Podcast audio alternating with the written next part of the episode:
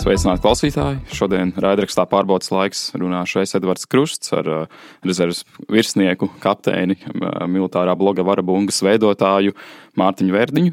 Labvakar! Vakar. Un uh, runāsim par tādu ļoti aktuālu tēmu kā obligātais militārais dienas, par tā atjaunošanu. Un jāsaka, ka mēs dzīvojam diezgan zīmīgā laikā, jo janvārī tiks atjaunots šis OMD, jeb kā to tagad dēvēs, valsts aizsardzības. Nē, valsts militārais dienests. Valsts militārais dienests. Un, lai arī es teiktu, ka daudziem latviešiem tas jau, tas jau sen ir skaidrs, es tomēr gribētu dzirdēt vairāk, kāpēc to vajag atjaunot, vai varbūt kāpēc to nevajadzētu. Un, pirmais jautājums būtu, lai arī jau sen notiek diskusijas par šī dienesta nepieciešamību, kāpēc tik ilgi bija jāgaida līdz atjaunošanai? Nu, acīm redzot, var, kā vienu no iemesliem varētu minēt šo apdraudējumu uztveri, kāda bija līdz šim Latvijā. Faktiski pēc 2004. gada, kopš iestāšanās NATO, principā, nu, bija nostabilizējies tāds viedoklis, ka dzīve pēdiņās ir izdevusies, ja viss ir kārtībā, ja nekas mūs īsti neapdraud, piektais pants mūs vienmēr aizsargās, un principā tā tas arī daļēji ir lielākā vai mazākā mērā, bet tomēr laika, laika gaitā, astotais gads, acīm redzot, neieviesa nekādas izmaiņas, ja, kaut gan tas bija pirmais signāls. Tad sekoja 14. gads, tagad mēs esam jau 22. gadā. Ko mēs, var, ko mēs varam secināt, rēķinot laiku no, no, no 8. gada, ja, ka krietni ir mainījusies ģeopolitiskā situācija, kas skar tieši Latvijas Republikas drošības stāvokli, militārās drošības stāvokli. Un šādos apstākļos tiek izvērtēti vai ceru, inventarizēti visi resursi, militārie resursi, tā skaitā personāla resursi, kas ir nepieciešams, lai efektīvi valsti aizstāvētu. Tiek skatīti, protams, arī juridiskie, starptautiskie līgumi, viņu spēks un tam līdzīgi.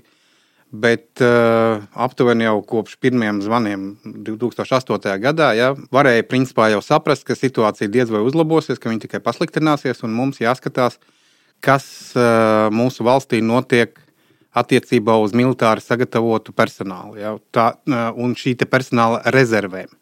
No kurienes viņas rodas, kā viņas veidojās. Nu, ja mēs tagad atkal patīsim to filmu atpakaļ, ja, tad mēs atcerēsimies, ka ap 8, 9, 10 gadu ja, nekāda diži arī finansējums nebija uh, bruņotiem spēkiem pieejams, ja, faktiski līdz 14, pat, pat vēl ilgāk. Uh, līdz 18 gadam, kad uh, 2% IKP tika nodrošināti uh, tieši, bruņotie, uh, tieši aizsardzības uh, nozarei. Uh, līdz ar to finansējuma trūkuma dēļ varēja bruņoto spēku vadītājiem rasties nu, teiksim, tā, tā dilemma. Ko darīt, uzturēt un attīstīt to, kas ir. Ja? Pieņemsim tos bruņotos spēkus tādu, kādi viņi ir. Faktiski tā bija tikai lielā mērā uzturēšana. Par personāla attīstību, par mobilizācijas rezerves veidošanu. Ja, nu, tur acīm redzam, pietrūka finansējuma, jo tas nav vienkāršs un viegls un lēts darbs. Protams, tur savu daļu vainas ir jāuzņemās tā laika politiskai vadībai, jā, viņa tālredzībai, kā viņi redzēja šo situācijas tālāko attīstību. Nu, toreiz diezgan tika, es ļoti labi atceros tos laikus, tika uzskatīts, jā, nu, ka nekas jau nopietns nevar būt. Tomēr dzīve parādīja kaut ko pretēju, un tuvāk jau pēc 14. gada jau varētu teikt, ka šī diskusija varētu teikt, ka viņa atjaunojusies. Nu, bet tomēr līdz pēdējiem tika izmantot visādi teiksim, tā, varianti, ja, kā izvairīties no tā diezgan, nu, teiksim, nu, starp vēlētājiem ne, nevisai populāra soļa, kāds būtu obligātā militārā dienesta atjaunošana, lai gan es pats sev pieķēru pie šī teksta, principā nevajadzētu saukt viņu par obligātu militāro dienestu, ja jau viņam ir tagad šobrīd ir dots cits nosaukums - valsts militārais dienests. Ja? Jo, kāpēc es to MD negribu pieminēt, jo, jo šim te terminam velkās līdzi nepārāk forša vēsture, ja, kas bija saistīta jau pēc 91. gada, kas mums bija obligātais militārais dienests. Viņš, diemžēl, tika būvēts vairāk pēc uh, tādas izpratnes, nu, tik, teiksim, tā, tika kopēts PSRS, obligātais militārais dienests. Lai gan ir cilvēki, kas ir diezgan labi dabūjuši tur tā laikā diezgan labu apmācību, tomēr kopumā tas noskaņojums un kopumā tā kvalitāte, kādā notika šī apmācība, nebija pārāk forša. Tas, ko tagad ir iecerējuši darīt attiecībā uz valsts militāro dienestu, tas būs kvalitatīvs. Pirm, tam jābūt. Ir. Es nesaku, ka tā būs, bet tam ir būtu jābūt kvalitatīvam solim uz priekšu, kas līdzinātos labākajiem Ziemeļvalstu paraugiem attiecībā uz valsts militārā dienesta norisi. Tas nozīmē minimums saimniecisko darbu, minimums tukšs laiks tērēšanas, ja, principā pamatā vai no jēgpilns dienests pildot dienas pienākumus jau karaspēku vienībās, vai nu jēgpilna apmācība pēc pilnas programmas, lai rezultātā pēc šiem 11 mēnešiem vai citos variantos, kas saistīti ar zemesardzi, tas rezultāts būtu ļoti labi sagatavots kainieks karavīra pakāpē. Ja? Nu, varbūt, varbūt, varbūt arī kaut kādi speciālisti tiks gatavoti. Tātad es uzsveru, šeit ir ļoti svarīgi šis jēdziens kvalitāte. Ja? Jo nepietiek, pieņemsim, iedzīt jebkuru jaunekli, pieņemsim, trīs nedēļu kursā, un pēc trim nedēļām pateikt, o, šis ir tagad visu apgūst, visu, visur apmācīts, viņš ir tagad ideāls un derīgs kaujai. Principā pasaules pieredze rāda, ka plus mīnus astoņi mēneši, gads, jā, tas varētu būt tas minimums, kuru laikā ieguldot attiecīgos resursus, var jaunietis sagatavot labā līmenī, kuru nevarēs nekādā gadījumā saukt par ne pa kādu lielgabalu gaļu vai kaut kādu tādu epitetiem. Man reiz tāds interesants jautājums radās. Visi sauc un piesauc šo NATO 5. pantu. Teiksim, tu arī minēji, kā vienu no argumentiem, kādēļ notika atsacīšanās no obligātā militārā dienesta, bet vai šis arguments vispār iztur kritiku? Jo, piemēram, mēs redzam NATO dalībvalstis, kurās nereiz nav atcelts obligātais militārais dienests. Un... Tik tālu nav jāiet. Paskatīsimies uz Igauniju. Viņiem nekad nav bijis pārtraukums atšķirībā. Bet ļoti, lab, ļoti labs. Eh, nevajag tik tālu staigāt pa Ziemeļvalstīm. Ja, ja pietiek mums paskatīties uz mūsu pašu kaimiņiem, ja, lai, lai saprastu mazliet eh, šīs atšķirības, tā skaitā ar mums, ja, uh, Igauni. Nekad nav atteikušies no obligātā militārā dienesta. Viņš viņiem ir iegājis jau asinīs, iesakņojies, un neviens par, par, par šo pienākumu nebrīnās. Savukārt, Lietuva, tāpat kā Latvija, ir savā laikā bija atteikusies no uh, valsts militārā dienesta, bet ļoti ātri norientējās un 2015. gadā atjaunoja šo valsts militāro dienestu, kura obligātums mijās ar brīvprātīgu, brīvprātīgumu. Un mūsu, vismaz šobrīd, to, mēs varam nojaust no, no komentāriem, kas nāk no aizsardzības ministrijas, Tātad mūsu modelis ir daudz tuvāk Lietuvai, Lietuvas modelim, kas, ko viņi atjaunoja 15. gadā, nekā pieņemsim Igaunijas modelim. Bet uh, To mēs vēl redzēsim, jo publiski likuma projekts vēl nav nodots apspriešanai. Ja?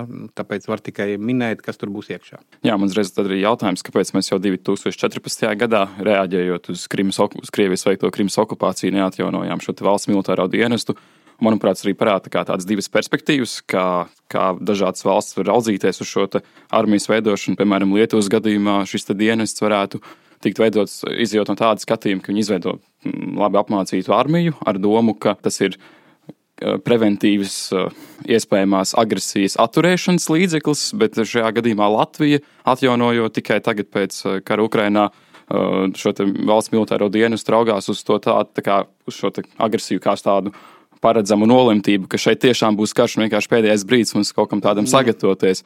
Tas Jā. arī, manuprāt, parāda tādas divas interesantas perspektīvas. Jā, diemžēl um, tas ir vairāk uh, jautājums, jo būtu, protams, uh, valsts politiskai vadībai, kā viņi uztver apdraudējumu. Cik ticama viņi uzskata, ka uh, tas var notikt, un pats galvenais jau vai ir detalizētie plāni, kā šo iespējamo apdraudējumu atvairīt, uh, ja viņš tomēr realizēsies. Atturēšana tā ir viena lieta, tā ir laba lieta, ja, bet, bet eh, kā viņu atvairīt, ja kaut kas notiks. Un tad ir jāsacina, ka, ja mēs skatāmies uz jebkuras armijas, jebkuru bruņotu, jebkuras valsts bruņotos spēkus, ja, tad viens no raksturlielumiem, tad tur būs aktīvā dienas karavīri, tie, kas atrodas regulārā armijā, tie, kas atrodas dienestā katru dienu. Ja. Tur gan ir profesionālais, gan valsts militārā dienas, elements ir, ja, bet nu, tie, kas ir visu laiku tajā brīdī kazarmās. Tas ir viens no personāla resursiem. Ja? Tas ir teiksim, ugunsdzēsēji, kas atrodas dežūrā. Ja? Un uh, vēl viens elements ir uh, pieejamie rezervistu resursi. Tie ir vispār vīrieši vecumā no 18 līdz nu, plus mīnus 60 gadiem. Apmācīt, neapmācīt, nu, tas ir vienkārši resurss. Jā.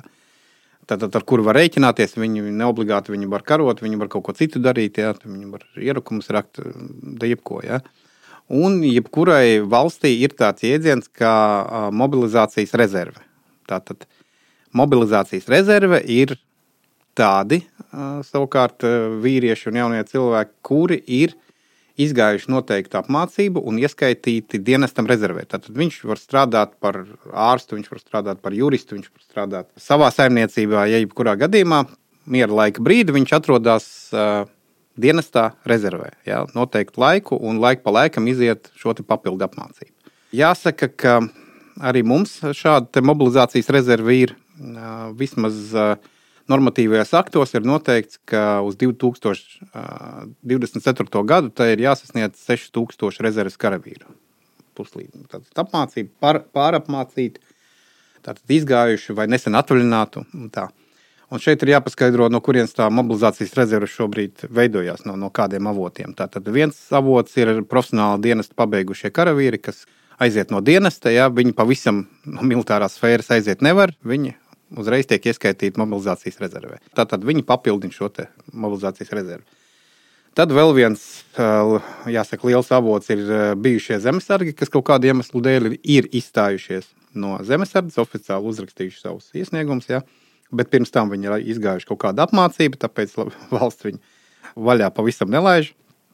Un ieskaita arī mobilizācijas rezervē. Tas ir otrs avots. Trešais avots ir šobrīd ir tāda iespēja dota nepateikšu no kura gada, bet nu, tas ir kaut kāds pēdējos 3-4 gadus. Ir iespēja jebkuram rezervistam, tātad jebkuram vīrietim noteiktā vecumā, bez iepriekšējās militārās pieredzes, pieteikties 21 eh, dienas kursam, alūksnē, un iziet uh, trīs nedēļu, nu, faktiski tur mazāk sanāk, ja nu, labi, skaitīsim trīs nedēļu apmācību. Pēc šī kursa arī var ieskaitīt, nevis var ieskaitīt, bet ieskaitīs uh, mobilizācijas rezervē. Tā tad nu, liekas, šķiet, ka nu, kā tā kā pietiekami ja, tas šis te veidojās nu, tas pūls, ja, kur, kur nonāk bijušie karavīri, bijušie zemesargi vai, vai speciāli kursu izgājušie mm, rezervisti. Bet uh, faktiskā un praktiskā situācija ir tāda, ka, ja kādai valstī ir mobilizācija rezerve, tad parasti ir tā, ka ir, tai ir jābūt lielai. Un kāpēc viņai ir jābūt lielai? Tāpēc, ka no mobilizācijas rezerves nekad nevar paņemt 100%. Kāpēc nevar paņemt 100%? Tāpēc, ka dzīve ir dzīve, laika ejot, pat ja viņš ir karavīrs, ir bijis kādreiz dienējis un tam līdzīgi. Ja, no tiem tūkstošiem, kas skaitās tajā mobilizācijas rezervē, daļa izbrauks, daļa saslims, daļa nomirs, daļa. Daļa, atbirums, jā, da, jā, jā, principā viņš būs diezgan liels. Jā. Tas nozīmē, ka jums, ja, ja jūs gribat paņemt, pieņemsim, uh, nezinu, desmit tūkstoši pēc jūsu plāniem, militāriem plāniem. Ir, jūs gribat no mobilizācijas rezerves kara gadījumā dabūt desmit tūkstoši karavīru ja, uz strīpas, uz plača, reāli. Ja, tad jums ir jāsagatavo 20 vai 30 tūkstoši. Ja, jo tur tas atbirums un kaut kāds cits, citi ierobežojumi ja, dzīves gaitā ja, neļaus paņemt visu. Ja. Un tad, lūk, ja mēs šobrīd rēķinām, ka ja mums pēc jābūt 24. gadā, mums ir jābūt 6000, ja, tad ņemot tā, nu, pat optimistiski ņemot, ja, tad no viņa mēs varētu paņemt nu, 3-4 tūkstošus. Ja. Tas ir ļoti maz, nesaucot tur kaut kādus konkrētus ciparus, ja Lietuvā un Igaunijā, pieņemsim, par šo laiku ir sagatavota šī mobilizācijas rezerve, kas mēram nu, desmit reizes lielāka. Ja. Attiecīgi arī šis mobilizācijas rezerves resurss. Ja, viņiem, viņiem ir lielāks, un mēs acīm redzam, atpaliekam. Un skaidrojam šim arī mūsu sabiedrotiem, arī mūsu tiem, kas nodarbojas ar Latvijas aizsardzības plānošanu, jā, īsti nav. Kāpēc tā? Tad mums reiz ir jautājums. Ja mums ir problēmas ar šīm rezervēm, kādēļ tiek piedāvāta tik daudz alternatīvā dienas varianti, kur, kur cilvēks var dienēt, te, mm, kas tur bija, mm, ja neapmierina valsts militārais dienas, tad var parakstīt līgumu pieci gadi zemesardzē. Kaut gan šeit arī būtu ievērības cienīgs fakts, to, ka zemesardzē cilvēks pavadītu mazāk nekā 11 mēnešus. Tur sanāk gadā, ja nemaldos, ir jāapmeklē obligātās mācības. 27 vai 28 dienu ap, apmērā, un, ja pareizina 28 dienas reizes 5 gadi, tad tie ir nepilni 5 mēneši, kas sanāk vairāk nekā divreiz mazāk nekā, nekā tie 11 mēneši. Tad, protams, ir iespēja civilajā dienestā dienēt, un veselības ministrijā, iekšlietu ministrijā, labklājības ministrijā, kādēļ tik daudz šie alternatīvie varianti, vai tā ir vēlme mīkstināt sabiedrības reakciju, politiķi baidās, kādu mēs tās rezerves nodrošināsim. Nu, Pirmkārt, tas, šis ir jautājums, ko vajadzētu uzdot uh, aizsardzības ministrijas pārstāvjiem. Ja?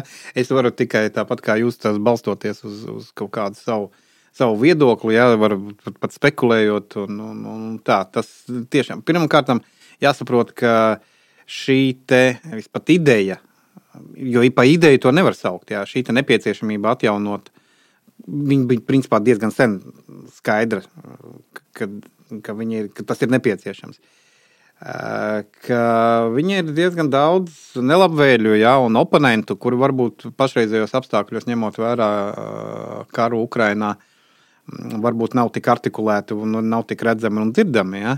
Bet citos apstākļos domājams, ka viņi iestātos pret valsts militārā dienesta ideju daudz aktīvāk. Pirmkārt ap šo jautājumu notiek politiskā cīņa, kuras sadurās tā, nepieciešamība, tad kaut kāda meklē varianti, nu, dažādi uh, dažādi politiskie spēki uztver dažādu šo reālo apdraudējumu un cik nepieciešams tas ir. Jo eh, tam jāpasvītro, ka valsts militārais dienests tik tiešām tas ir. Tas ir eh, tur jāiegulda ļoti daudz darba. Garantēti var teikt, ka būs kaut kādas nepatikšanas un būs kaut kāda atsitiena pašā, nu, pašā procesā. Ja? Kādam būs jāuzņemās par to politiskās atbildības, to, to, to arī cilvēki un politiķi saprot. Ja? Tāpēc ap pašu šo valsts militārā dienesta uh, ideju domājams, ir kuluāros notiek uh, nopietnas cīņas. Un atgriežoties uh, pie tava jautājuma, cīņas notiek, un te ir tā, alternatīvais dienestam, nu tam jābūt ir vienmēr. Ja? Alternatīvai. Ja? Tas ir saistīts ar um, viens likums, viena taisnība visiem. Nu, kā tā viens viens dienējs eh, militāro dienestu, otrs teiks, ka viņš ir ticīgais, viņam neļauj, eh, ticība neļauj ņemt ierocis rokās. Viņš, tā, viņam, viņam jādod iespēja kaut kādā citā veidā eh, veikt šo dienestu. Tāpēc alternatīvais dienests tas ir normāli, tas ir pasaulē arī pieņemts. Jā, jāsaprot, ka tur nebūs teiksim, tā, 90% nevarēs izmantot šo alternatīvo dienestu, bet nu, tādai iespējai jābūt. Kas attiecās uz zemesardzi, Nu, tāpēc, ka pirmkārt viņi mums ir, mums viņi nav jāveido no jauna. Tur ir infrastruktūra, tur ir instruktori, tur ir komandieri, tur ir štābi, tur ir tā. Un būtu, protams, diezgan neloģiski apiet šo iespēju. Kāpēc tāds dienas sadalījums tur šobrīd, pēc pēdējām ziņām, tas ir piecu gadu laikā jā, jānodrošina 21 dienu gadā individuālās apmācības apmeklējumu un 8 dienas un 7 dienas kolektīvo. Tas nozīmē, jārēķina tātad 28 dienas gadā.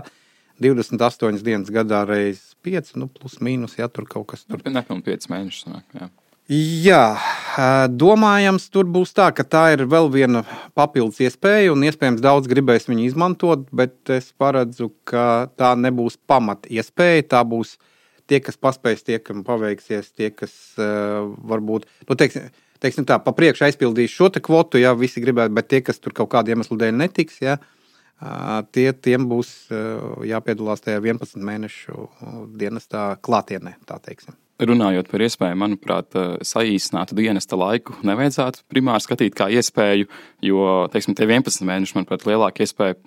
Ja mēs raugāmies uz dienas tā pavadīto laiku, tīri no sociālajiem aspektiem, kā tas, kā tas iespējo turpmāko jaunā karavīra dzīvi nākotnē.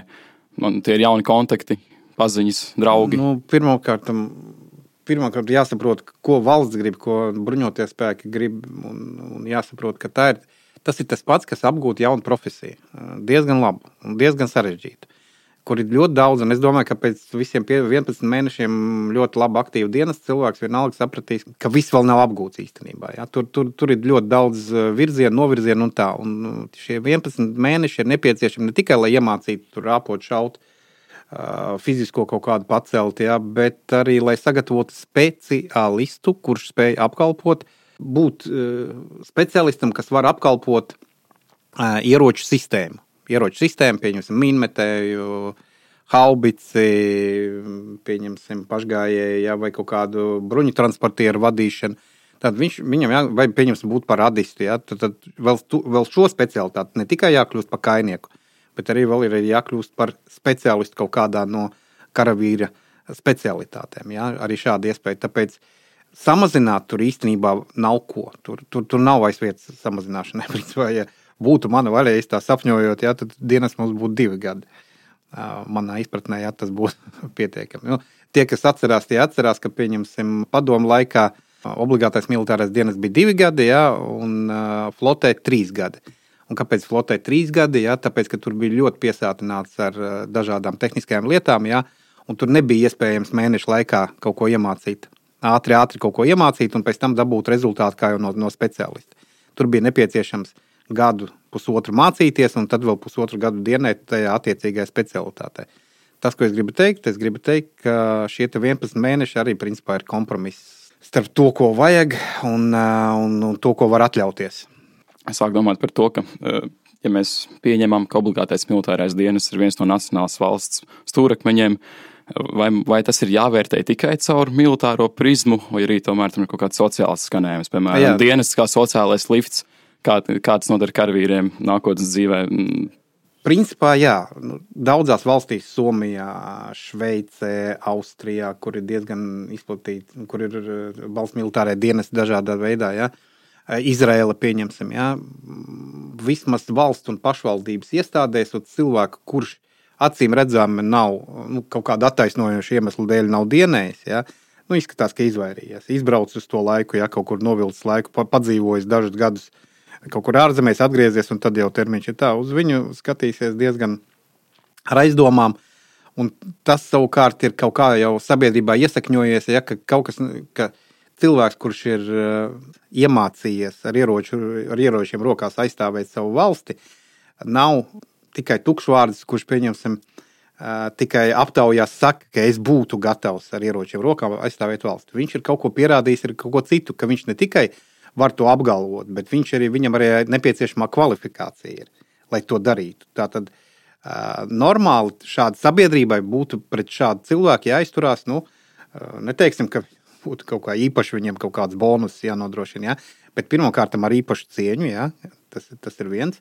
Uh, otrs, kas attiecas uz šiem bonusiem, nu, valsts attiecībā uz savām, uz tām darba vietām, ko nodrošina valsts pārvalde, ja viņi varētu izvirzīt tādu prasību. Ja? ka pieņemsim priekšroka ir tiem, kas ir izdienējuši valsts militāro dienestu. Nu, tā varētu būt. Ja? Visu nevar mērīt naudā, ja? bet pieņemsim, atvieglot viņiem kredītu, pieņemsim, sekšanu apmācības ziņā. Ja? Bet tas ir, tas, tas principā ir, tie vienalga ir kaut kādi materiālai labumi. Es teiktu, ka sabiedrībai jāizturās pret šādiem cilvēkiem, mazliet nu, teiksim, atbalstoši un nu, kaut kā ne, nevis domāt, ka tu esi. Tev nav paveicies, tu neesi pratis izvairīties no dienesta. Ja? Kaut kā baigais foršais, vai pieņemsim, tu izvairījies no dienesta, tad tu baigais foršais, neesmu mazais. Ja? Bet tieši otrādi, ja, ja tu esi izdienējis, ja, tad tu esi jau tāds lietas koks arī tālākajam darbam. Tāpēc es arī saku, ka valsts militārā dienestā ir jāpiedalās jauniem cilvēkiem. Jā. Tagad ir iespējas visdažādākās 40 eh, gadniekiem, 40, 50 gadniekiem iesaistīties zemesardze, bet um, no valsts investīciju viedokļa labāk ir ieguldīt jaunajos cilvēkos. Jā. Viņam nu, nosacīt derīguma termiņš ir, ir garāks. Jā. Tāpēc uh, Sāksies šis valsts militārais dienests, ies plašumā, parādīsies pirmie rezultāti. Tas, viņi būs šie cilvēki, kas demobilizēsies no valsts militārā dienesta. Viņi būs paši tādi reklāmas stabi attiecībā uz, uz valsts militāro dienestu. Viņi atgriezīsies civilajā dzīvē, stāstīs saviem bērniem, kā viņi ir dienējuši, ja, un tam līdzīgi. Un tādā veidā veidosies šī attieksme un uh, sabiedrības, uh, sabiedrības uzskats. Tagad es diezgan uzskatu, ka mums tas ļoti zems atbalsta līmenis gan šai idejai, gan ticībai, ka šis valsts militārais dienests ir nepieciešams un ka tur kaut kas izdosies. Tātad mēs varam runāt par dienestu kā par iespēju, bet, manuprāt, nav, nav uz to jāstāsta tikai, nav jārunā tikai par valsts attieksmi pret, pret vīrieti, kurš ir jauniesaucamais, bet uh, dienests kā iespēja individuālā līmenī. Piemēram, mans pašu pieredze kā zemesargams esmu nokļuvis labā kolektīvā, mīļā, mīļā vienībā, nodaļā. Esmu iegūmis labus draugus, kas nāk no dažādiem sociālajiem slāņiem, un tie ir kontakti, kas tiešām noder tālākā dzīvē, lai to kaut vai tā būtu jauna darba meklē, meklēšana, kaut kas tamlīdzīgs. Bet uh, man uzreiz prātā nāk arī Izraels pie, piemērs, kad uh, Izraels ir obligātajā dienestā iesaucis karavīrus un veidojot vienības, tiek sajaukt cilvēki no dažādām sociālajām grupām tā teikt, lai vienā grupā vai nodaļā būtu oligarha dēliņš un, un zemnieks, un viņi sadraudzētos un, un saliedētos. Un tas arī kopumā valstiski stiprina demokra de, demokrātisko kopienu. Tāpat kā patriotismā audzināšana, es teiktu, ka tas ir teiksim, die, valsts militārā dienesta blakus, blakus produkts. Ja? Dažreiz viņi būs pozitīvi, dažreiz tur samais, sajaucoties šiem sociālajiem slāņiem, tur arī dzirkstelis būs. Ja? Var sagaidīt. Uh, Bet nevajag aizmirst galveno, ja, ka tas valsts militārais dienas ir nepieciešams, lai jauneklis apgūtu militāro profesiju, kainieku, karavīru amatā. Ja. Tas ir galvenais, un visi šie labumi, kas nāk, ja, viņi, protams, baigi forši. Un es zinu, ka, pieņemsim, Igaunijā ir tāda, vismaz cenšas, ja, ka, pieņemsim, vidusskolu pabeidzot, klases čaļi cenšas būt nokļūt vienā vadā, vienā rotā. Uh, Ja, un tam līdzīgi kopā, kopā iziet šo dienestu, ja, un, un, un pēc tam arī uz tām papildu apmācībām ja, ierasties arī tādās, tādās grupās. Ja. Tas pats attiecās uz korporācijām, studentiem. Ja. Viņi arī cenšas būt kopā, nokļūt kopā un uh, izdienēt kopā. Ja, un, un tas, principā, tiek veicināts, jo tas veicina, jo, saprotiet, apmācot karavīru, individuāla apmācība ir tikai, tikai daļa no apmācības. Nākamais etaps ir kolektīvā apmācība. Un kolektīvā apmācība ir darbošanās nu, sāksim, nodaļas sastāvā, vada sastāvā. Un tur ir arī svarīgi arī tas, ne tikai tad, pirmkārt, ja labi, ja cilvēki ir savas savstarpēji pazīstami, viņiem izveidojusies, viņiem izveidojas kolektīvs.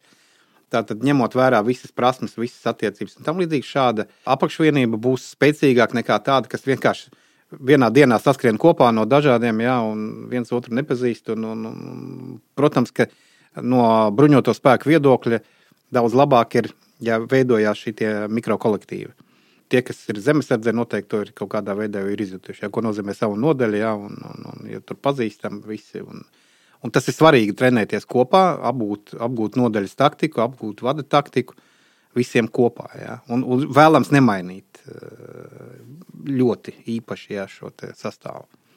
Jā, runājot par šo dzirkslīti, kas varētu izraisīt kaut kādus konfliktus sadzīviskās situācijās dienestā, vecāku gadagājumu cilvēkiem, kas ir piedzīvojuši padomu laika dienestu, noteikti prātā ir, ir termins ģedovšķina, jeb pareizes būtu ārpus reglamenta attiecības, vai kaut kas tāds būtu sagaidāms mūsu dienestā. Kas tas ir? Un... Ne, nu, kā jau teicu pašā sākumā, tas, par ko mēs tagad atceramies no, no 90. gadiem, tas bija lielā mērā saistīts ar to, ka tika kopēta padomu sistēma. Padomu sistēmā tā saucamā ģedavšana bija ne tikai, ne tikai nevēlama parādība, nu, teiksim tā, kazarmu huligānisms, bet tam bija arī zināms, zinām praktiska nozīme, jo trūkstot jaunākiem komandieriem, ja, nepietiekamā skaitā viņiem esot, un, un šī hierarhijas Eh, neformālās hierarhijas veidošana ļāva saturēt kopā kolektīvu un kontrolēt situāciju tajā, neļaut attīstīties kaut kādiem haotiskiem procesiem. Tas nozīmē, ka pūkstens piecos ja, virsnieki aizgāja pie savām ģimenēm un savām mājām uz kara pilsētiņu tepat blakus. Ja, tad eh, kazarmās tā tad palika zināma hierarhija, zināma zinām, uzraudzība. Tātad vecāki, tie, kas vecāko iesaukumu karavīri, ja, teiksim, tā, veidoja savu savu kārtību, ja, pa kuru viņi zināmā mērā arī atbildēja. Un, uh, daudzos gadījumos uh, virsnieki, komandieri uh, atbalstīja šādu, šādu kārtību, ja viņiem pašiem izdevās atrast kopsaucēju ar, ar šo izveidoto neformālo hierarhiju. Tātad tam bija arī praktiska nozīme. Nu, protams, jā, kad, kā, kurš to saprata un kā tas iespildījumi bija ļoti dažādi un pieredzes ir ļoti dažādas, kas attiecās uz uh, valsts militārā dienesta situācija. Pirmkārt, jāsaka, mēs būvējam armiju faktiski no nulles tagad. Ja?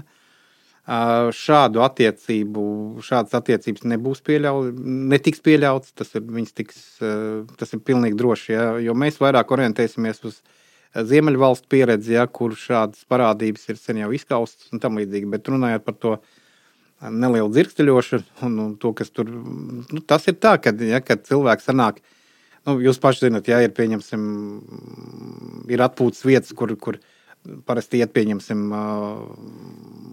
vienas jauniešu subkultūras pārstāvu un, un citas atpūtas vietas, ir, kur, kur citas jauniešu subkultūras. Jā, nu, viņi kaut kā noslēņojās, jā, pieņemsim. Bet šeit viņi nonāk pieņemsim, vienā kolektīvā, un tādas domstarpības noteikti ir iespējams.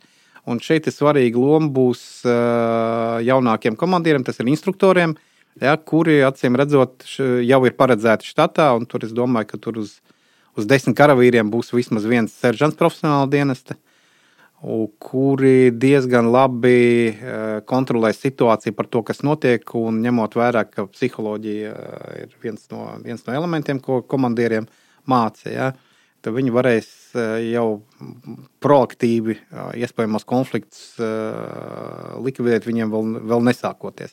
Bet uh, tīri matemātiski, ņemot vērā, ka iedomājieties, jums dienestā ienāks vienu gadu, pieņemsim, tūkstoš vai divi tūkstoši cilvēku. Nu, tīri matemātiski var rēķināties, ja ka kaut kas, un, jā, un pēc, gada, pēc gada atnāks jauns tūkstots. Ja, lai kā jūs to, iepriekšējo būtu ieguldījušies un, un, un viņus audzinājuši, un tā, pēc gada atkal būs jauni. Ja. Un tur tīri matemātiski var paredzēt, nu, jau tagad tam gatavoties. Un, starp citu, tas arī uz žurnālistiem attiecās, nu, nespinot katru, katru negāciju kā tendenci. Ja?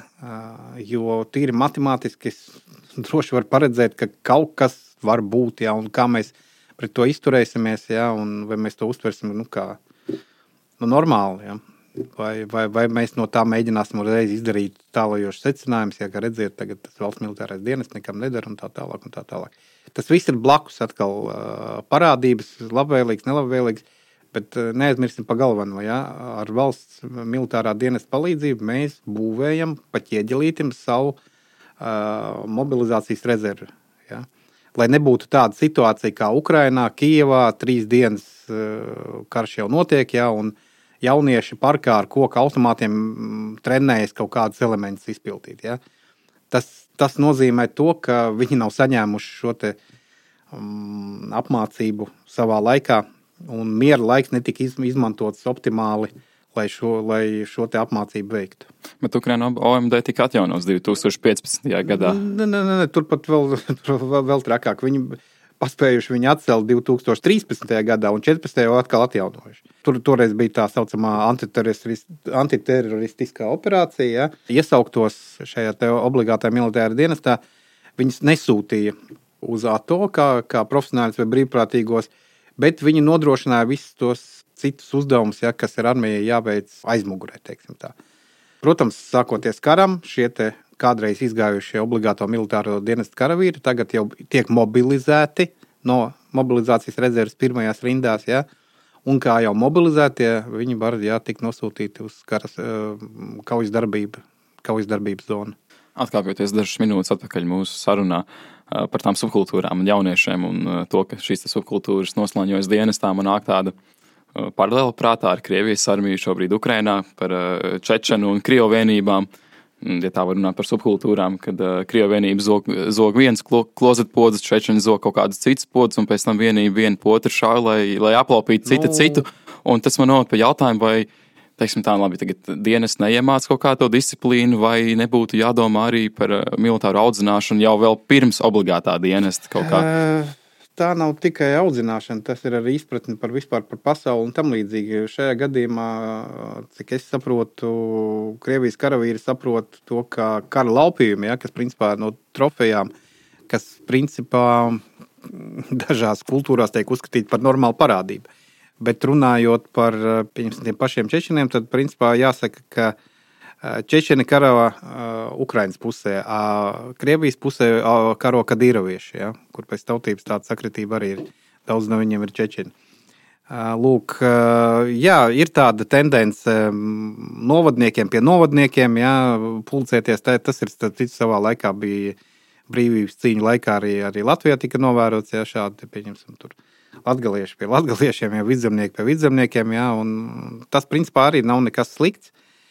Protams, pēc subkultūrām diez vai eh, tur pieņemsim hipsteru bataljonu mēs veidosim, ja, bet, eh, bet pēc kaut kādiem novadiem, ja, pēc kaut kāda tāda principa, jā, tiešām varētu veidoties arī tādas teritoriālās eh, aizsardzības vienības. Un starp citu, jā, zemesardzes jau principā tas ir pamatu uzdevums, ja te veikt teritoriālo aizsardzību, kas principā vispār paredz, ja, ka te ir, visi ir novadnieki, ja, un visi ir no viena vai blakus esošiem novadiem. Ja.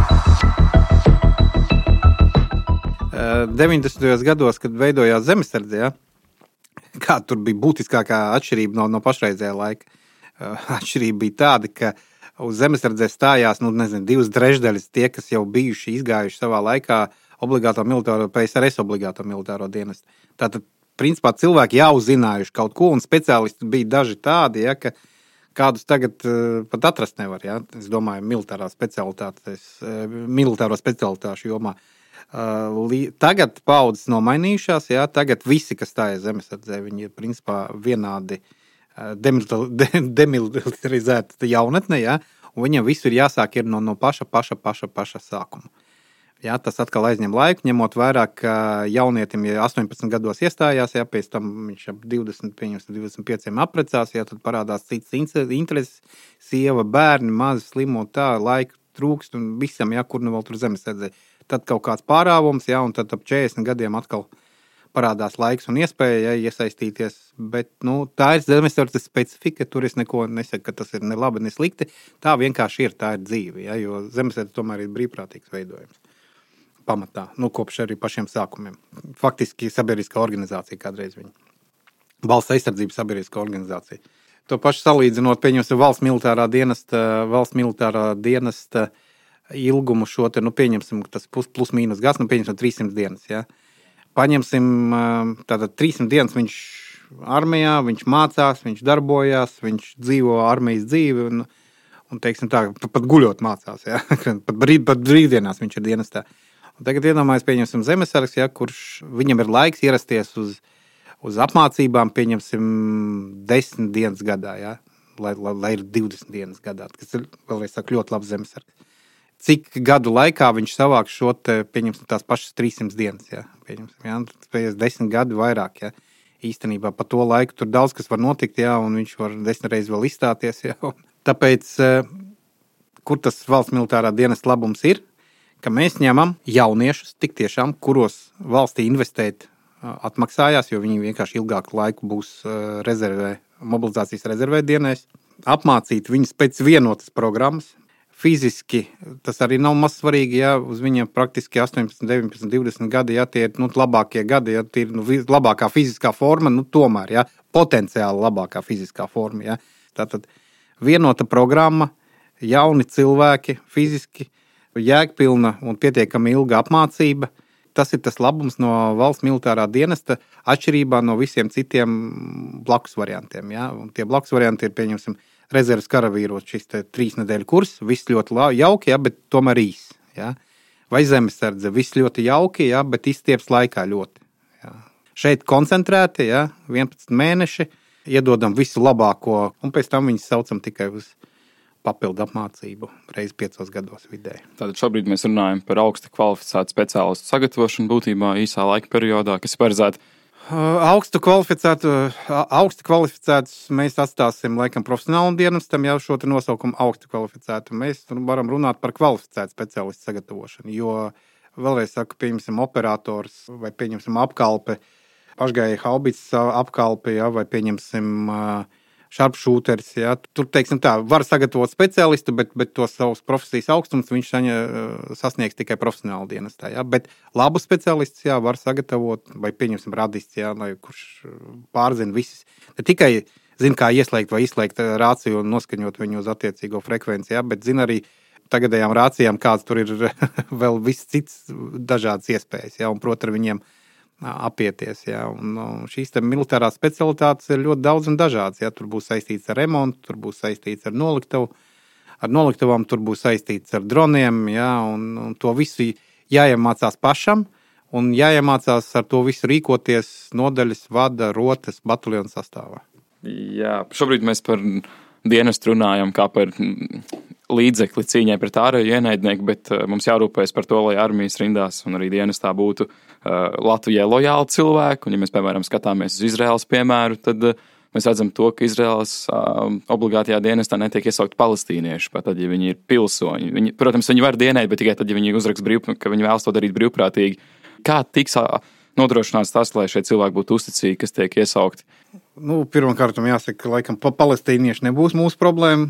Pirmkārt, jāsaprot, ka tie plāni, ko šobrīd ir aizsardzības ministrija, jā, viņi ir attiecībā uz šo valsts militāro dienestu skaitlisko. Jā, viņi ir diezgan pieticīgi. Jā, tur tiks iesaukt, nu, pieņemsim, labākajā gadījumā šobrīd sāks, sāks ar 500, jā, tad 500 tā, tad varbūt 1000, tad varbūt 2, jā, bet nu, tas būs diezgan tālā laika perspektīvā, un tas, protams, neaptver uh, visus. Jā. Valsts paņems un iesaugs tik, cik viņi var kvalitatīvi apmācīt. Tātad iedzīt visus kazarmās un noturēt 11 mēnešus nav pašmērķis. Mērķis ir sagatavot kvalitatīvus kainiekus. Tas ir tas, tam tādam ir jābūt mērķim, kas attiecās uz to lojālu, nelojālu. Tad arī šobrīd, cik es saprotu, ka viens no pārbaudas veidiem būs medicīniskā pārbauda, būs psiholoģiskā pārbauda, būs vēl kaut kāda pārbaudas. Ja? Fiziskai, man liekas, pat, pat liks pārbaudīt kaut ko. Bet, protams, ir attiecīgie dienesti, ir MIDD, Militārās izlūkošanas drošības dienests, ja, pie kura aizsardzības ministrijas vajadzības gadījumā vai NVS varēs griezties, lai izvērtētu vienu vai otru iesaucamo, pieņemsim, lojalitāti. Ja.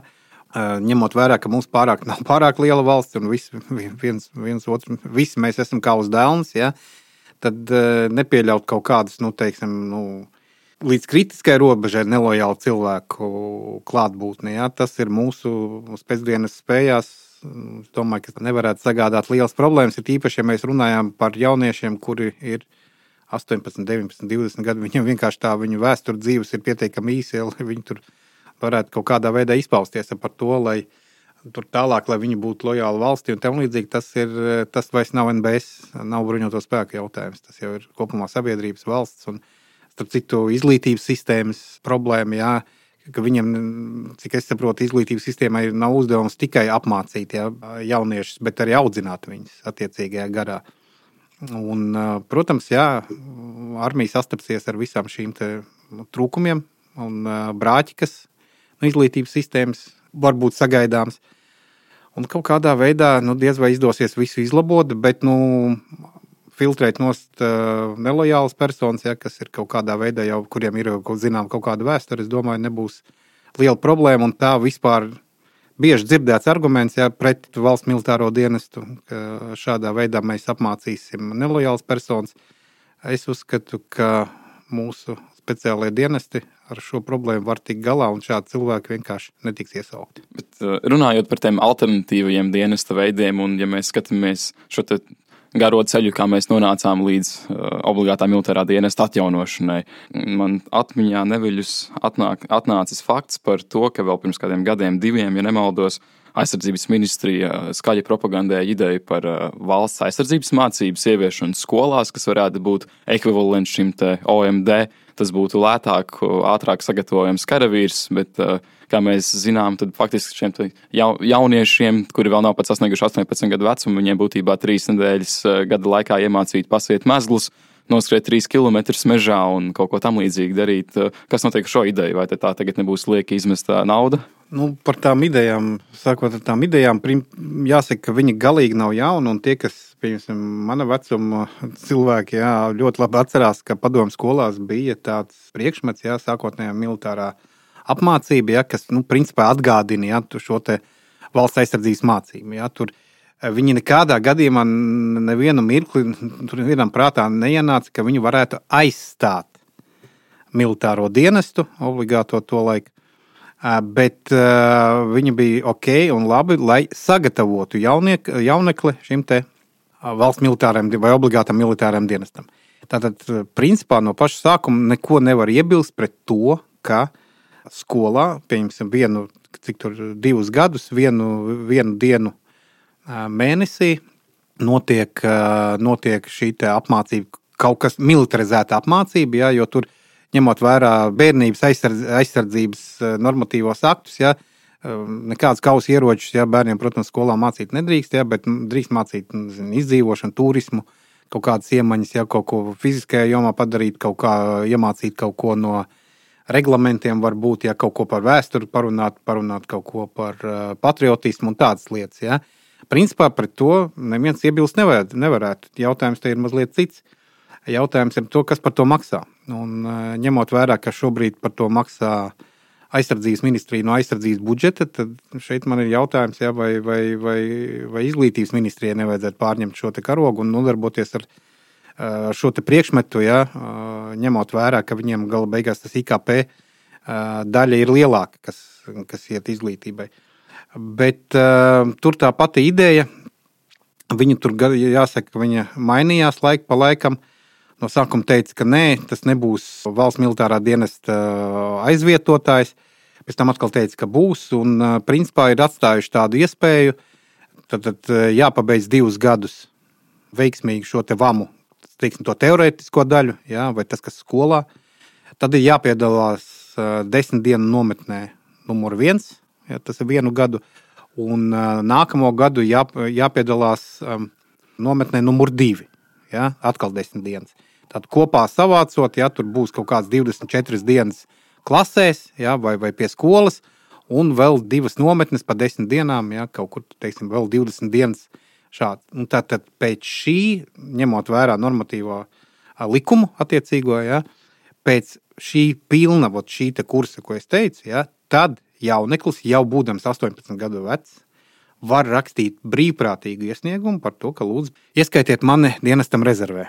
Jādomā ir tā, ka pirmkārt ļoti ātri atklāsies, jo kaut kāda jau šobrīd pilotu projekta notiek, daudzās skolās tas jau ir, jā, bet uh, ar tām nometnēm vai katrā gadījumā līdz iesnieguma rakstīšanas par lūdzu uzņemiet mani rezerves karavīros, ir uh, vēl, teiksim, vēl šī attīstība nav nonākusi. Bet var paredzēt, ja, ka visu šo kursu plus divas nometnes veiksmīgi iziet divus gadus pēc kārtas, ja, un visu, visu, visu šo, šo normatīvu izpildīt, eh, būs diezgan pagrūti. Un, ja tie, kas pieņemsim, pat viņu izpildīs, viena daļa no viņiem var izdomāt, ka viņi nerakstīs šo iesniegumu. Ja, līdz ar to mūsu mobilizācijas rezerve no šāda, no šāda projekta neko neiegūst. Jā, mēs iegūstam, jā, jauneklis ir kaut ko iegūst priekš sevis, kaut ko iemācījies, mezglus iet, ugunskura iekurināt, kaut ko uzzinājis par novada militāro vēsturi, tas viss ir baigi pozitīvi un forši. Ja?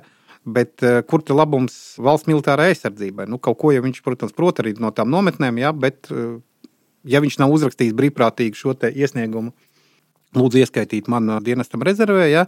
tur var paredzēt tā. Izies tūkstoši, izies apmācības skolās, nometnēs jau izies simti.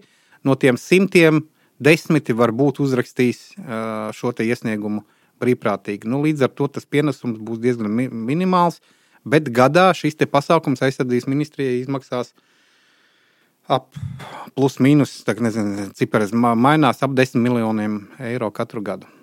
Jo tas nozīmē visās skolās viens, divi, trīs instruktori, nometnes kaut ko maksā, pašas nodarbības organizēt kaut ko maksā. Ja, tas kopumā diezgan, diezgan nopietns pasākums.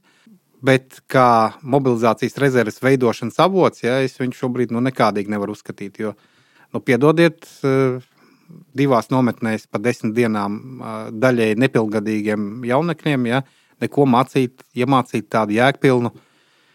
Vienkārši nevar, vienkārši laika trūkst. Kā jau teicu, vairākas reizes, ne šajā, protams, raidījumā, ka mm, šo kainieku karavīru eh, arodu jāuztver tieši kā arodu. Uh, kuram ir zināmas kvalifikācijas prasības. Un šīs kvalifikācijas prasības ir tādas, ka pasaules praksa rāda, ka ātrāk viņas kā pēc sešiem, astoņiem mēnešiem klātienē apgūt, viņas nav iespējams. Un tad, ja kāds man saka, ka pa zobārstu var iemācīt, pieņemsim, divu nedēļu laikā, jā, nu, tad es neticēšu. Jūs neticēsiet, neviens neticēs. Tad kāpēc ticēt attiecībā, pieņemsim, uz ja, kainieku karavīru amatā, ja, kas arī prasa kaut kādas savas kvalifikācijas prasības. Kur nu vēl speciālistu? Mīnmetējnieku, artilēristu, tankistu. Bet kā tad paliek ar sievietēm dienestā? Šobrīd mēs saprotam, ja es pareizi saprotu, tad obligāts dienas būs tikai vīriešiem, bet, eh, protams, sievietēm arī tiek saglabāts tiesības dienēt, bet ar nosacījumu, ka viņas to var darīt brīvprātīgi, uzrakstīt kaut, kā, kaut kādu pieteikumu, bet obligātais iesaukums viņām neatiec. Kāds tavs viedoklis par to? Sievietēm ir jābūt dienestā, nav jābūt, vai, vai, mēs esam skaitliski pārāk maz nācija, lai mēs varētu atļauties to, ka sievietes kā cilvēku resursi tiek laistas postā, vai tomēr ne? Pašreizējā periodā es domāju, ka pirmkārt tas ir šobrīd pareizi, ja tas atstāts kā, nu, kā brīvprātīga opcija. Jā, tā tad pašreizējā attīstības posmā obligātumu šeit noteikti nevajadzētu, bet ja mēs runājam vispār par sievietēm armijā, tad te ir jāsaprot, ka te ir var, var runāt par šo īpatsvaru, par procentu. Jo, ja ir pieņemsim kaut kādu, paņemsim kaut kādu iedomātu attīstītu valsti, ja, kura ir attīstīta bruņoties spēki, aviācija, flote, ja, kur ir piesātināta tehniskiem līdzekļiem, es domāju, radari, sakaru elementi, komandu vadības elementi, dažādākie, kas tur vēl var būt, ja, viss, kas saistīts ar tehnisko daļai, tehnisko apkalpošanu, tur loģistiku, uh, noliktavu, noliktavu dienestu un tam līdzīgi. Jā, pieņemsim šādu armiju iedomājoties. Jā, tad, protams, ka tur var atrast ļoti daudz teiksim, amatus, kas ļoti atbilst sieviešu spējām, fiziskajām, garīgajām un stresa noturībai un vispārējiem. Ja? Tātad tas ir, tas ir viens. Un tagad paņemsim Latvijas armiju, ja, kas, kas ir izteikti sauzemnieku armija, tātad sauszemes armija, bruņoties spēki nav īpaši nu, tā, pārsātināti ar tehniskiem līdzekļiem. Tātad var, mēs, tad, ja mēs runājam par sievietēm armijā, tad jāsaprot, ka kāds viņus, viņus redz tieši kā kainieces, ja, kā kainieka amatos. Un šādā gadījumā es teiktu, ka uh, varētu būt ar vienu nosacījumu. Fiziskie normatīvi Visiem vienādi tādā gadījumā. Nevis tā kā tagad, kad viņi ir dalīti. Ja pieņemsim, ir vīrieši, kas izpilda fiziskos normatīvos, un mēs uzskatām viņus par labiem, potenciāli labiem kainiekiem, tad es domāju, ka atradīsies arī sievietes, kas, ir, kas spējas izpildīt tos pašus, tos pašus normatīvus bez nekādām atlaidēm. Un tādā gadījumā es neredzu, kāpēc viņas nevarētu būt arī par kainiecēm, ja viņas to var. Bet es domāju, ka tas nebūs masveidā. Būs, tie būs drīzāk tādi izņēmumi, vai tā, ka katrā gadījumā tas nebūs, ne, nebūs katra, varbūt pat ne katra otrā. Spējas atbilstoši kainieku slodzēji izturēt šādas pārbaudījumus, ja, kas, kas, kas paredzēts viegliem kainiekam, kas ir grūtākais militārais amplitūds vispār. Un šeit ir jā, jāapstājās pie tā momenta, cik tā mums šobrīd ir. Ja? Tad vidēji armijās pasaulē, cik es savā laikā esmu skatījies par šo tēmu, plus mīnus var teikt 10% bruņoties spēkos ir sievietēm. Es uzskatu, ka tas ir diezgan atbilstoši, normāli. Sievietēm jābūt, amati atradīsies un viss kārtībā. Bet pie mums eh, šis procents jau ir ap 20%, un viņš turpina augt. Man liekas, viņš drīz būs jau 30%. Jā, es nezinu, zemesardze ir vairāk, eh, profesionāla dienas tev var būt mazāk. Eh, tas jau kaut ko, man liekas, jau aiziet mazliet pa tālu, bet vai nu mēs esam ļoti attīstīti tehniski kur mēs tiešām varam atrast atbilstošus amatus sievietēm, ņemot vērā tīri fiziskas atšķirības. Ja? Vai nu mums ir jāsaka, ka mums būs kainieki, kainieki sievietes, ja, kuriem tie, šie, tie fiziskie normatīvi ir ja, atšķirīgi, tātad zemāki. Un tad es nu, tad vienkārši aicinu iedomāties situāciju, ja, kad kaujas laukā, ja, kad kādai sievietei ir jāvelk ārā, pieņemsim, savu pārinieku biedru, ja, ar visu ieroci un mugursomu un tam līdzīgi. Ja. Ja, ja tas ir pa spēkam, tas ir labi, bet ļoti iespējams, ka tas nebūs pa spēkam. Un šeit ir arī Amerikas Savienoto Valstu pieredze, kur ir īpaši attiecībā uz spēcvienībām tieši šis princips darbojās. Durvis ir atvērts, bet normatīvi ir tādi, kādi viņi ir, un viņi ir vienādi visiem. Vari turēt, un pie tam viņi vēl katru gadu tiek pārbaudīti. Ja? Vari turēt tik tikmēr, kamēr vari turēt, ja tikmēr vari, vari piedalīties. Kas attiecās uz zemesardzi, piekrīt, ka zemesardzē varētu būt lielāks šis sieviešu procents, jo zemesardzei ir ļoti daudz visādu uzņā, uzdevumu. Principā paredzēta tā skaitā gan kārtības sargāšana, gan kaujas uzdevumi. Ir, par, nu, ir, ir doma, ka, ka viņi viņus pildīs. Ja? Bet nu, tad ir jāsaka, ka acīm redzot, pieņemsim zemesardzē, tad būs uh, divu ātrumu zemesardzes. Ja? Tad Viena būs domāta vairāk miera laika uzdevumiem, ja? nezinu, civil militārai sadarbībai, valsts par kaut kādai palīdzībai, dažnai dažādai.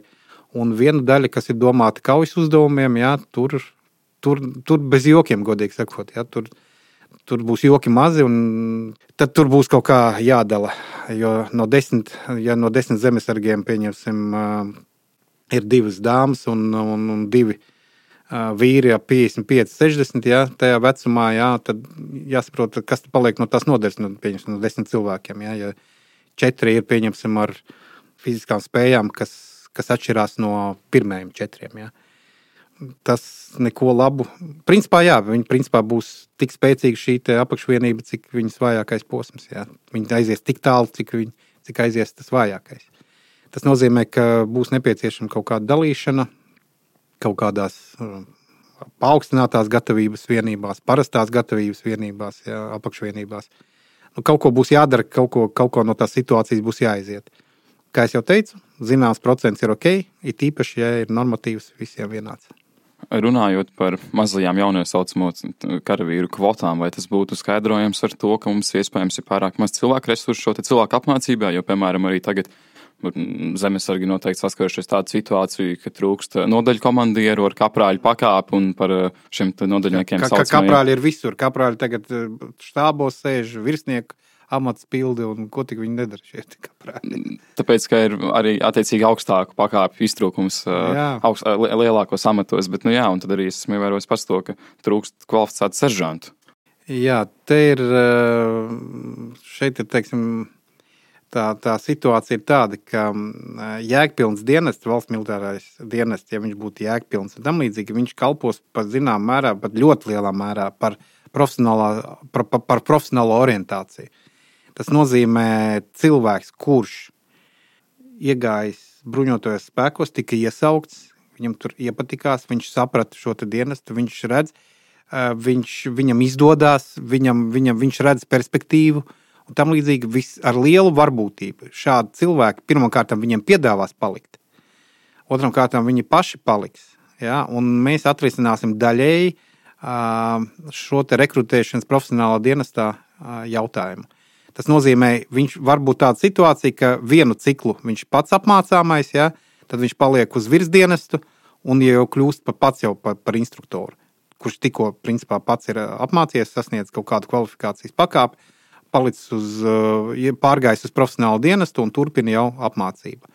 Kas attiecās uz zemesardzi, mēs tagad runājam, tad jūs nevarat iedomāties, kādu pienesumu kolosālu un labu eh, nodrošinās valsts militārais dienas zemesardzē, jo ļoti daudzi eh, no tiem valsts militārā dienesta demobilizētiem, domāju, ka ļoti daudz no viņiem gribēs turpināt un iekļaut, un ne tikai profesionāli dienestā, nu, tas tomēr ir profesijas izvēle. Ne visi uz to būs gatavi. Gala beigās kādam ir jābūt arī pavāram, šoferim, juristam, advokātam. Es nezinu, nav svarīgi kaut kādas citas profesijas, bet šie cilvēki pēc valsts militārā dienesta, iesaistoties zemesardzē, būs salīdzinoši ļoti labi sagatavoti, ja salīdzinot ar tiem, kas ieiet, ienāk zemesardzē nu, no, no civilās dzīves pavisam. Ja. Un eh, es domāju, ka viņi eh, atnesīs arī sev līdzi tos eh, labākās iemaņas, ko viņam iemācīs labākie instruktori valsts militārā dienas laikā. Tas nozīmē, plusi būs gan rekrutēšanai profesionālajā dienestā. Es jau teicu, ja tātad padienēju, sapratu, patīk, perspektīva, aicina, kāpēc gan nepalikt, kāpēc man vispār kaut kur citur jāiet. Ja? Tas ir viens. Tie, kas savukārt kas nepieņem šo piedāvājumu, profesionāli dienestā palikt, viņiem paliks iespēja turpināt uh, zemesardzē. Ja? Un iedomājies, tagad pieņemsim katru gadu, pieņemsim bataljonā ienāk 20, 30 jaunieši ar 11 uh, mēnešu uh, dienesta pieredzi. Ja? Tad viņi paši jau var kļūt pamazām par uh, jaunākiem komandieriem ja? un, un, un apmācīt tos, kas atnāca nu, pavisam no malas. Ja? Tātad, rezumējot mūsu sarunu, ko mēs varam secināt, tad šis valsts militārais dienests mums sniedz vairāk iegumu nekā zaudējumu dienests ir ne tikai kā iespējams agresijas atturēšanas ierocis, bet arī mm, būtu nepieciešamība gadījumā, ja kara darbība ieliks, kā to pierāda arī Ukraiņas gadījums. Un dienas armijā tas, manuprāt, ir kārtīgs vīriešu prestižs. Tas būt, būtībā ir arī pozitīvi cīņā pret demaskulinizāciju, kas šobrīd valda ne tikai Latvijā, bet vispār rietumu pasaulē kopumā. Un, un es vēl nesen pārlasīju ģenerāļa radziņu piezīmes par karu un morāli. Man patīk to, ka viņš raksta, ka armijas nāk no tautas, un, ja karavīri ir laupītāji, tas, tas, tas būtībā uzrāda ārsta diagnozi par tautu, ka tās morāli ir sadrupusi. Un, tā tad būtībā, lai šie karavīri būtu morāli augstvērtīgi, ir jāsāk ar audzināšanu jau, jau ģimenē, jau, jau no mazotnes, bet uz to visu var skatīties arī no otras puses, ka šī obligātā militārā dienesta atjaunošana var dziedināt tautas dvēseli. Respektīvi, arī nu, tas tā, tā, tā, tas tā poetiski, jā, bet eh, runājot par valsts militāro dienestu, es uzskatu, uztver viņu kā atgriešanos pie normas. Tas, ka, tas, ka viņš tagad tiek ieviests, ir atgriešanās pēc normas, kur ir adekvāta tam apdraudējuma līmenim, kāds ir mums visapkārt. Tā ir atgriešanās pie normas. Viss, kas bija no sestā gada, kad, eh, to, to, kad valsts militāro dienestu likvidēja līdz šim, tā nebija norma. Tas nebija normāli. Normāli tagad mēs atgriežamies. Vai mēs varējām atgriezties ātrāk? Varējām. Kāpēc neatgriezāmies? Nu, tas, acīm redzot, ir drīzāk politisks jautājums. Tas nav jautājums pieņemsim karavīriem ja, vai uh, profesionālā militārā dienas. Nu, politiķi gala beigās veido um, bruņoto spēku attīstības virzienu ja, un vadlīnijas un, un nosaka, kā viņi attīstīsies. Tāpēc atgriežamies pie normas, un tas ir labi, lai gan mazliet nokavēti, jo, lai uzkrātu šo jēgpilnu mobilizācijas rezerve, tīri skaitliski, tur ir vajadzīgi gadu desmiti. Tāpēc armijas būvē, ja? es nevarēju agrāk saprast, kāpēc armija būvē. Ja? Tāpēc, ka nav iespējams armiju iep, no, iepirkt iepirkumā uh, gada laikā, pieņemsim, izsludināt iepirkumu un no, nopirkt sev armiju. Tas, tas nav iespējams. Viņu var pat ieģelītim, pat ieģelītim būvēt, ja katru gadu atlicinot, veidojot, audzējot resursus, krājot, krājot, krājot un uzkrājot, ja tā skaitā arī personālu tādā veidā gadu, jo, jo ilgāks mums ir tas miera periods, ja, jo labāk mēs varam sagatavoties tai dienai, kas, ko sauc par X dienu. Bet, ja mēs labi sagatavojamies, tad tā X diena var arī nepienākt nekad. Ja, tas ir arī atturējo, atturošs faktors. Ja, ja pieņemsim, pretinieks zina, ka viņiem ir bruņotajos spēkos profesionāla dienestā ir tik, ja, nu, vai regulāra armija ir tik, ja, bet ir vēl milzīga bāze, kas saistīta ar mobilizācijas uh, resursiem, ja, mobilizācijas rezervi, tad arī uzbrukumā iet šādai valstī mazāk gribās. Nekā, pieņemsim, zinot, ka viņiem ir teiksim, tā nepilna brigāde, ja, kuras resursu spējas un tam līdzīgi ir aptuveni paredzamas. Ja. Jo tautai jābūt ne tikai bruņotai, ne tikai gribošai sevi aizstāvēt, bet arī sagatavotai sevi aizstāvēt. Pretējā gadījumā tā ir vienkārši lielgabala gaļa, kas tiek sūtīta nu, man līnijām. nepatīk šis, te, šis te teiciens, arī lielgabala gaļa mēdz ļoti labi karot. Ja? Eh, tas vispār, godīgi sakot, nezinu, no kurienes tas atkal politiķi piesviests. Eh, šis, te, nu, ir, ir bijuši gadījumi, kad, kad zemesardzes galīgi vai pa, gandrīz pavisam neapmācīts, ja karoja daudz labāk nekā, nekā mūsu pašu eh, vēsturē, ja, kad zemesardze veidojās jau vēsturiski. Es nedomāju 90. gadus, ja es domāju 18. un 19. gadu. Ja. Uh, Tad uh, varbūt arī šur tur ar to apmācību bija tā ar to ekipējumu, bruņojumu, ja, bet nu vienalga, ja, ja, ja tā ideja ir, ja tā morāla ir iekšā, ja, tad var arī uh, rūtītas karavīrus uzvarēt vai uh, algotņus. Jebkurā gadījumā, ja, tāpēc miera laiku jebkurai valstī un armijai jāizmanto, lai sagatavotos, lai gatavotos. Jo ilgāks tas laika periods, jo labāk var sagatavoties. Mēs sākam gatavoties kā vienmēr tikai nevis proaktīvi, bet reaktīvi reaģēt uz kaut ko. Būtībā mēs esam nonākuši pie vecās labās patiesības, sevis pācim par belumu, jeb, jeb šo latviski gribi dzīvot mierā, gatavojies karam, un cerēsim, ka OMD ne tikai tiks uzskatīts par normu, bet arī mēs vairāk no tā neatsacī, neatsacīsimies. Nu jā, es domāju, ka šie pārnotie teicieni nemaz nebūtu izdzīvojuši nezinu, jau gadu jau tūkstošiem, ja, ja viņi nebūtu patiesi. Ja. Tāpēc to tā viņas arī jāuztver. Ja? Kad gatavoties karam, tu, tu faktiski nodrošini sev mieru. Ja? Tur, tad, tad tur ir dziļa, dziļa, dziļa taisnība. Vai mēs gatavojamies, vai mēs negatavojamies, kāpēc mēs negatavojamies, tas ir cits raidījuma jautājums. Domāju. Tur jāuz, jāuzaicina politiķis. Paldies, bija ļoti interesanti saruna. Visu Jā, labu. Lūdzu, un man arī ļoti bija interesanti ar jums sarunāties.